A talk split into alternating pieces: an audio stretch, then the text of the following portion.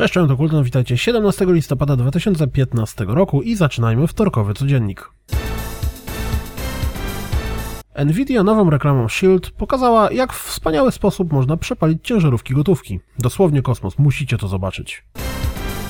W styczniu dostaniemy drugą część rozszerzenia do Pillars of Eternity, The White March. 4 grudnia zagramy na Xboxie One w Rock Zombie, chodzoną bijatykę, gdzie wokalistka metalowego zespołu walczy z zombiakami za pomocą gitary. Gra od dwóch lat jest dostępna na Wii U i Steamie i wygląda dosyć przeciętnie. Przypominajka, w tym tygodniu na PS Store pojawi się przeniesione wprost ze SNESa Super Star Wars. Intrygująco zapowiadająca się przygodówko-platformówka z duchami w tle o tytule Oxenfree pojawi się w styczniu na Xboxie One i Windowsie 10. Wczoraj mówiłem o 12 milionach kopii Fallouta 4 wysłanych do sklepów, a dziś powiem Wam o 1,87 miliona kopii sprzedanych cyfrowo przez pierwsze 3 dni. W tym 1,2 miliona zostało sprzedanych na Steamie, reszta na konsolach.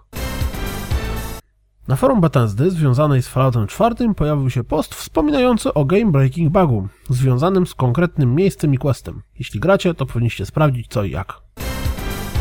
Nawet nie mając pada Elite, po aktualizacji systemu możemy bawić się ze zmienianiem funkcji między guzikami zwykłego pada do Xboxa One. Jeśli nie możecie doczekać się Star Fox Zero, to warto sprawdzić 50 sekund urywek gameplayu, które pojawiły się w sieci. To wszystko na dziś, jak zawsze. Dziękuję za słuchanie, jak zawsze zapraszam na www.rozgrywkapodcast.pl i mam nadzieję, że słyszymy się jutro.